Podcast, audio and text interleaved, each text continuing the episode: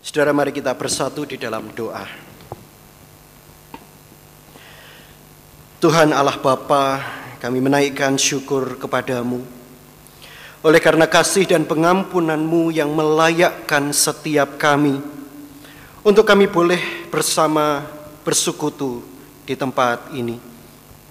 Terlebih kami bersyukur ya Tuhan, ketika Engkau kembali memberi kami kesempatan untuk kami bersama-sama membaca dan merenungkan sabda kebenaran firman-Mu. Berkatilah hati setiap kami ya Tuhan agar hati kami bisa menjadi tanah yang subur, tanah yang siap menerima benih-benih kebenaran firman Tuhan itu.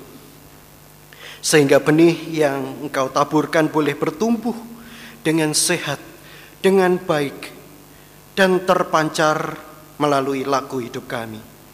Biarlah hanya Allah Roh Kudus yang menolong dan menuntun kami sehingga kami boleh mengalami perjumpaan itu. Baik itu dengan firman-Mu juga dengan Engkau di dalam kehidupan kami hari lepas hari. Berbicaralah ya Tuhan kami anak-anak-Mu siap untuk mendengar. Amin. Mari kita bersama menyimak bacaan leksionari kita Bapak Ibu Saudara yang terkasih. Bacaan leksionari kita pada hari ini diambil dari Injil Tuhan Yesus Kristus menurut Yohanes pasalnya yang ke-17 ayatnya yang ke-6 hingga 19. Yohanes pasalnya yang ke-17 ayatnya yang ke-6 hingga ke-19. Saya akan bacakan bagi kita sekalian. Aku telah menyatakan namamu kepada semua orang yang kau berikan kepadaku dari dunia. Mereka itu milikmu, dan engkau telah memberikan mereka kepadaku, dan mereka telah menuruti firmanmu.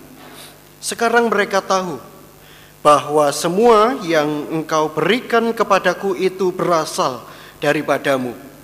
Sebab segala firman yang engkau sampaikan kepadaku telah kusampaikan kepada mereka, dan mereka telah menerimanya mereka tahu benar-benar bahwa aku datang daripadamu dan mereka percaya bahwa engkaulah yang telah mengutus aku. Aku berdoa untuk mereka, bukan untuk dunia aku berdoa, tetapi untuk mereka yang telah engkau berikan kepadaku, sebab mereka adalah milikmu. Dan segala milikku adalah milikmu, dan milikmu adalah milikku dan aku telah dipermuliakan di dalam mereka. Dan aku tidak ada lagi di dalam dunia, tetapi mereka masih ada di dalam dunia dan aku datang kepadamu. Ya Bapa yang kudus, peliharalah mereka dalam namamu, yaitu namamu yang telah engkau berikan kepadaku, supaya mereka menjadi satu, sama seperti kita. Selama aku bersama mereka, aku memelihara mereka dalam namamu, yaitu namamu yang telah engkau berikan kepadaku. Aku telah menjaga mereka dan tidak ada seorang pun dari mereka yang binasa, selain daripada dia yang telah ditentukan untuk binasa, supaya genaplah yang tertulis dalam kitab suci. Tetapi sekarang aku datang kepadamu dan aku mengatakan semuanya ini sementara aku masih ada di dalam dunia, supaya penuhlah sukacitaku di dalam diri mereka. Aku telah memberikan firmanmu kepada mereka dan dunia membenci mereka, karena mereka bukan dari dunia, sama seperti aku bukan dari dunia. Aku tidak meminta supaya engkau mengambil mereka dari dunia, tetapi supaya engkau melindungi mereka daripada yang jahat mereka bukan dari dunia, sama seperti aku bukan dari dunia. Kuduskanlah mereka dalam kebenaran. Firmanmu adalah kebenaran. Sama seperti engkau telah mengutus aku ke dalam dunia, demikian pula aku telah mengutus mereka ke dalam dunia. Dan aku menguduskan diriku bagi mereka supaya mereka pun dikuduskan dalam kebenaran. Bapak Ibu Saudara, saya mengajak kita sekalian untuk membaca ayat yang ke-11. Kita akan baca bersama-sama ayat 11. 3, 4. Dan aku tidak ada lagi di dalam dunia, tetapi mereka masih ada di dalam dunia. dan aku datang kepadamu. Ya Bapa yang kudus, peliharalah mereka dalam namamu, yaitu namamu yang telah engkau berikan kepadaku, supaya mereka menjadi satu sama seperti kita. Demikianlah Injil Tuhan Yesus Kristus, berbahagialah setiap kita yang mendengar firman Allah dan tekun melakukannya dalam kehidupan sehari-hari. Haleluya.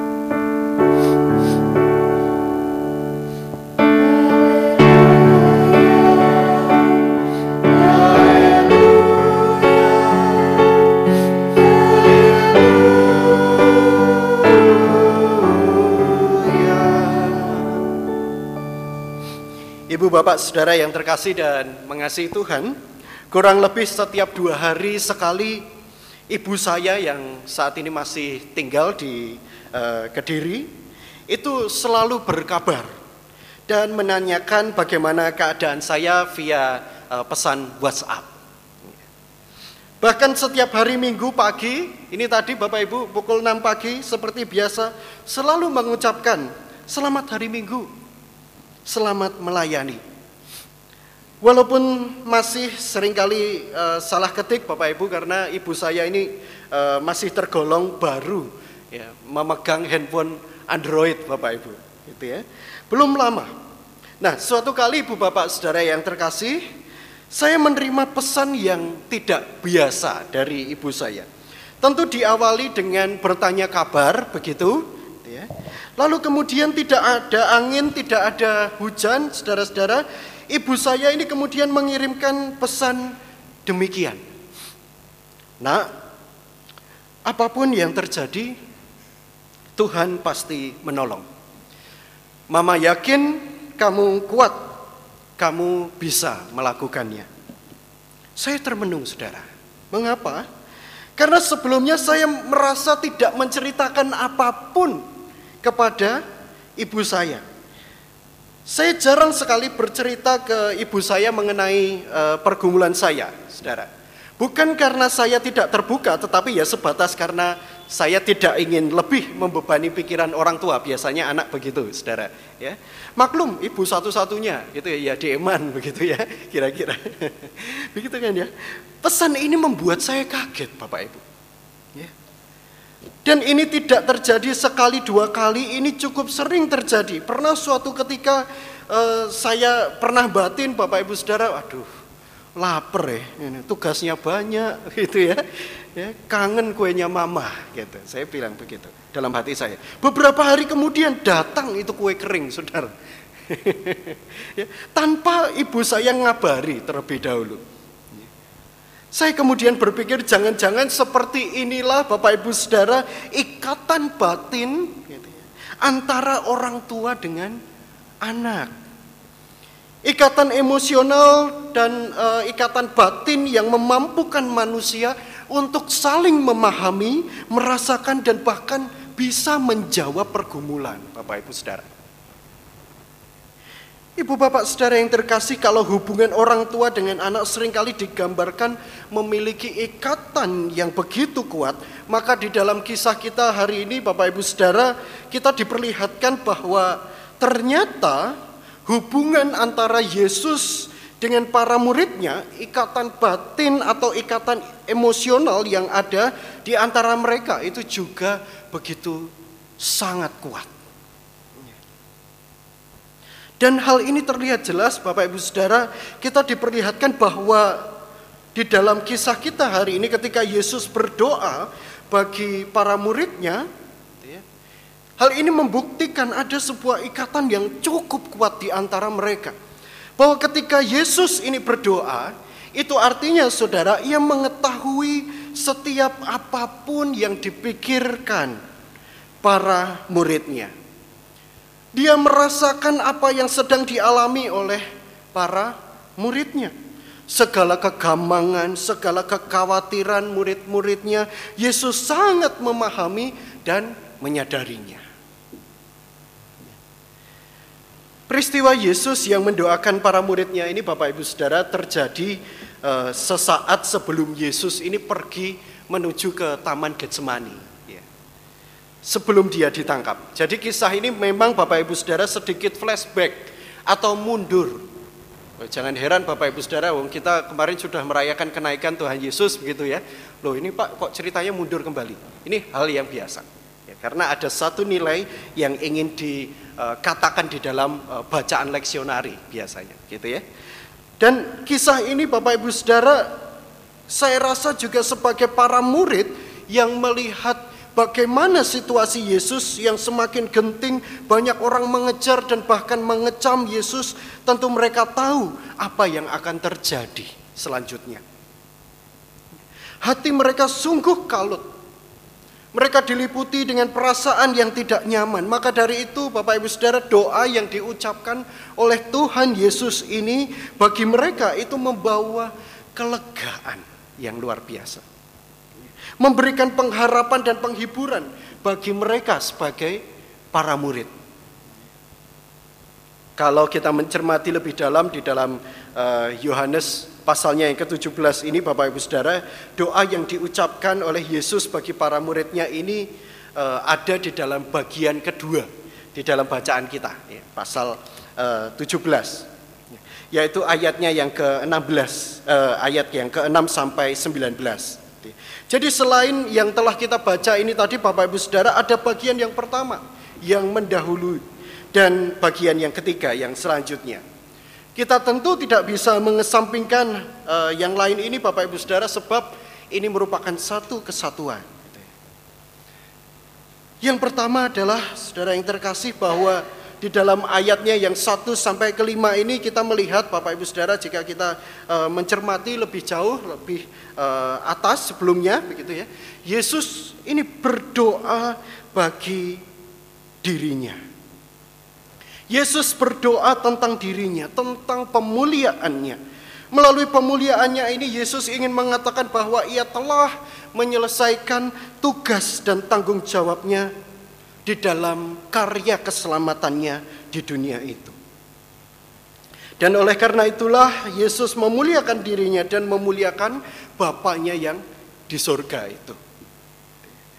Secara singkat bagian ini ingin mengajak kita untuk berpikir, saudara terkasih, eh, bahwasannya setiap kita, Bapak, Ibu, Saudara, dan saya, hidup di dalam panggilan tugas dan tanggung jawabnya masing-masing. Tuhan mempercayakan kepada kita banyak hal bersama dengan tanggung jawab yang mengikutinya. Kita yang eh, saat ini bekerja, kita yang saat ini sedang menjalankan usaha, kita yang saat ini masih bersekolah atau bahkan berkuliah, kita sebagai keluarga, saudara, dan saya tidak terkecuali, kita semua punya tugas untuk menyelesaikan hal itu semua dengan baik. Ya. Bukan hanya menyelesaikan tugas itu atau panggilan itu, tetapi menyelesaikan tugas panggilan itu dengan baik. Ada tambahannya saudara, dengan baik. Persoalannya adalah kita sebagai orang tua atau anak, jangankan terkadang ini menyelesaikan dengan baik, saudara, melakukan dengan baik saja, itu belum tentu jadi pada pagi hari ini saudara kita kembali mengingat dan melihat tugas apa yang kira-kira telah dipercayakan kepada kita sembari kita memohon berkat penyertaan dan pemeliharaannya. Sudahkah kita melakukan dan menyelesaikannya dengan baik? Sudahkah melalui tugas dan tanggung jawab kita selama di dunia ini, saudara, kita telah mempermuliakan Allah Bapa kita di surga.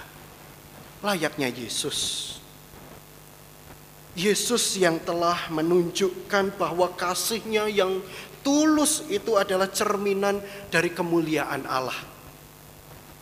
Yesus menyatakan pada dunia bahwa Bapaknya adalah sumber segala sesuatu, segala kehidupan. Dan dia diutus untuk menyatakan Bapa. Dan segala sesuatu ini Bapak Ibu Saudara yang terkasih ia lakukan dan ia kerjakan datang dari Bapa, bukan dari dunia, bukan dari dirinya, tetapi datang dari Bapa. Dan ia menyelesaikan pekerjaan itu dalam kesatuannya dengan Bapaknya. Itu adalah bagian yang pertama Bapak Ibu Saudara. Dan ketika kita melihat bersama saudaraku yang terkasih, setelah Yesus ini meneguhkan dan menguatkan para murid untuk melanjutkan tugas uh, kesaksian gitu ya, yang telah kita hayati bersama di dalam uh, kita kemarin telah menghayati uh, apa kenaikan Yesus ke surga gitu ya. Di dalam kisah ini kita kembali melihat saudara bahwa Yesus kemudian berdoa bagi mereka. Nah ini bagian yang kita baca bersama saudara. Doa yang membawa kekuatan dan pengharapan bagi setiap uh, para muridnya. Yang semoga juga akan kita yakini sebagai uh, doa Yesus bagi kita semua. Ada tiga hal saudara yang Yesus minta kepada Bapa untuk para muridnya. Bahwa yang pertama saudaraku di Yohanes 17 ayatnya yang ke-11 yang tadi kita baca bersama-sama di sana dinyatakan bahwa Yesus ini berdoa supaya Allah Bapa memelihara mereka. Yesus merindukan bahwa Bapa ini akan memelihara para muridnya di dalam iman percaya mereka supaya kita semua bersatu di dalam Allah sama seperti Yesus atau aku di sana dikatakan ya. Sama seperti aku merawat dan memelihara mereka di dalam namamu. Selama hidup di dunia, Yesuslah yang memelihara mereka dengan firman yang ditaburkan dan diterima oleh mereka, saudara. Mengapa Yesus ini memohon kepada Bapa untuk memelihara para muridnya. Tujuannya adalah supaya uh, apa yang dikatakan di dalam ayatnya yang ke-13 itu Saudara, bahwa supaya penuhlah sukacitaku di dalam diri mereka. Yesus tahu saudara bahwa di tengah hati dan perasaan yang tidak nyaman karena Yesus akan berpisah dengan mereka, Yesus memohon agar para murid ini memiliki ketenangan hati supaya para murid ini memiliki damai sejahtera, supaya para murid ini juga yakin bahwa ketika nanti, ketika Yesus sudah tidak bersama-sama lagi dengan mereka secara fisik, mereka meyakini bahwa ada Allah Bapa yang memelihara mereka. Apa yang saya ingin katakan saudara bahwa doa yang diucapkan oleh Yesus bagi para muridnya ini di masa lampau Doa inilah yang juga dinaikkan oleh Yesus kepada saudara dan saya yang hidup di masa kini. Yesus berdoa supaya Bapa memelihara saudara dan saya. Ini luar biasa Bapak Ibu Saudara. Dikala dunia barangkali mungkin melupakan kita. Dikala banyak orang di sekeliling kita, bahkan saudara-saudara kita, mungkin sudah tidak sanggup mendoakan kita. Dikala banyak orang di dunia ini yang tidak mengerti pergumulan yang sedang kita alami dan hadapi. Ingatlah Bapak Ibu Saudara, bahwa di dalam hidup kita ada satu sosok yang tidak pernah jenuh atau tidak jemu-jemu untuk berdoa bagi kita, yaitu Yesus. Ini luar biasa, saudara. Yesus senantiasa setia mengingat kita satu persatu pribadi lepas pribadi. Ia menginginkan kita semua dipelihara oleh Allah Bapa.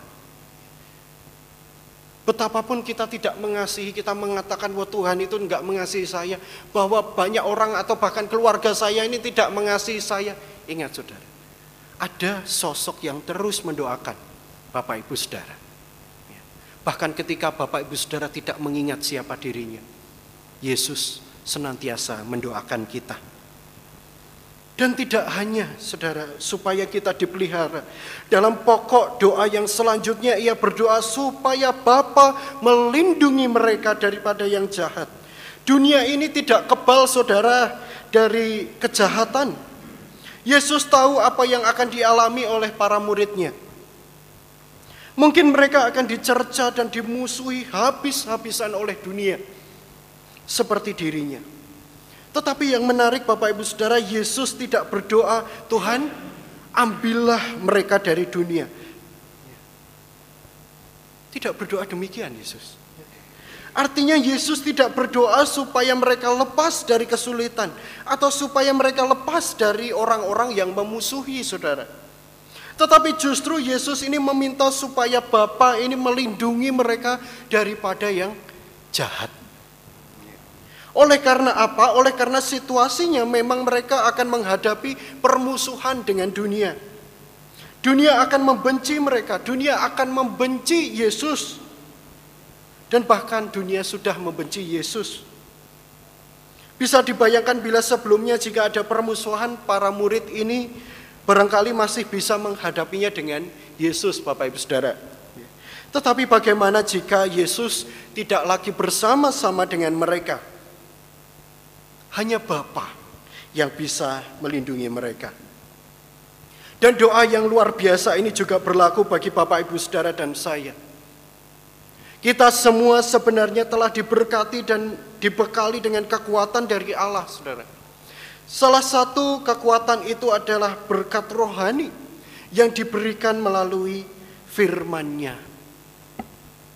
Maka semestinya saudara kita yang sudah dipelihara oleh Allah ini, kita yang sudah dilindungi oleh Allah ini, kita juga tidak akan mudah untuk tergoda atau bahkan terantuk jatuh dalam dosa.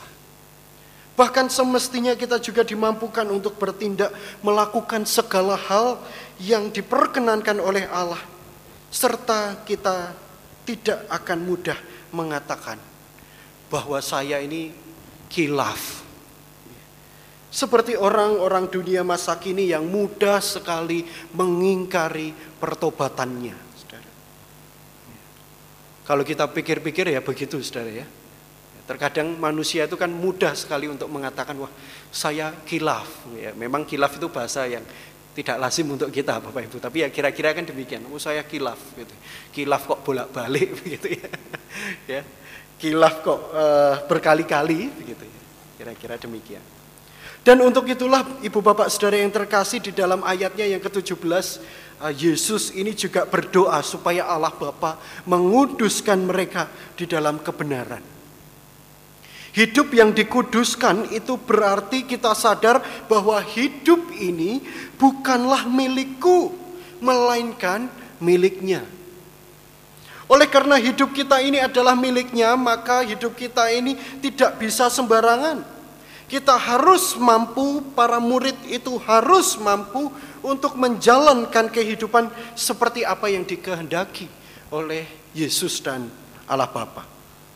Dan masalahnya saudaraku bahwa hidup kudus dan berkenan ini memang tidaklah mudah saudara. Bagaikan perahu yang menyeberangi samudra yang begitu luas. Jika kita mengandalkan diri kita sendiri, jika kita mengandalkan perahu yang kita tumpangi saja seorang diri, maka percayalah akan ada saatnya di mana perahu yang kita tumpangi itu akan terbalik dan tergilas oleh ombak dunia. Kita berada di tengah keluarga Kristen pun tidak menjamin bahwa kita akan hidup berkenan, saudara. Apalagi ketika kita ada di tengah dunia yang begitu luas dan bahkan dunia yang jahat ini. Ibu bapak saudara yang terkasih dalam nama Tuhan, memang realita dunia yang keruh eh, kerap kali tidak bisa kita pungkiri apalagi kita hindari gitu ya. Namun Tuhan juga tidak sedang membiarkan kita seorang diri. Dan pada pagi hari ini kita bersama diperlihatkan saudara dan dikuatkan oleh Tuhan. Bagaimana ia memelihara kita, bagaimana ia menjamin hidup kita, bagaimana ia membekali diri kita bahkan melalui doanya Tuhan selalu mengingat kita dari hal yang paling sederhana. Tuhan mengingat kita di dalam doanya. Ini luar biasa. Layaknya seorang ibu yang tidak pernah berhenti mengingat uh, anaknya di dalam uh, doa. Kita barangkali tahu ada sebuah lagu lama tentang doa gitu ya. Di doa ibuku Namaku disebut Di doa ibuku dengar ada namaku disebut. Jika seorang ibu saja mengingat kita, Bapak Ibu, pun juga dengan Tuhan, bahkan lebih dari seorang ibu. Bahkan di dalam lagu yang tadi barangkali Bapak Ibu Saudara yang uh, uh, sebelum ibadah sudah uh, mendengar bersama-sama sebuah lagu dari uh, David Phelps yang berjudul The Name Lives On itu. Di dalam hidup ini ada satu nama yang lekat, satu nama yang dekat dengan keseharian kita, yaitu siapa, Saudara? Yesus. Bahwa perlindungan Tuhan itu sejauh ketika kita melangkah bahwa pemeliharaan Tuhan itu sejauh ketika kita bernafas dan menarik nafas kita. Dia ada di tengah-tengah hidup kita semua. Dia yang ada bersama dengan kita, dialah yang akan menuntun kita ketika kita buta atau bahkan hilang arah. Dia yang ada bersama-sama dengan kita, dialah yang akan memeluk kita dengan erat ketika kita merasa lemah, tidak berdaya.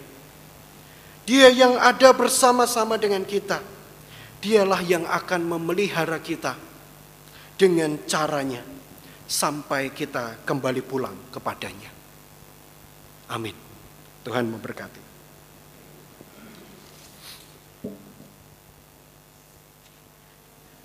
Mari kita bersatu di dalam doa syafaat dan kita akan menutupnya dengan nyanyian Bapa kami. Kita berdoa.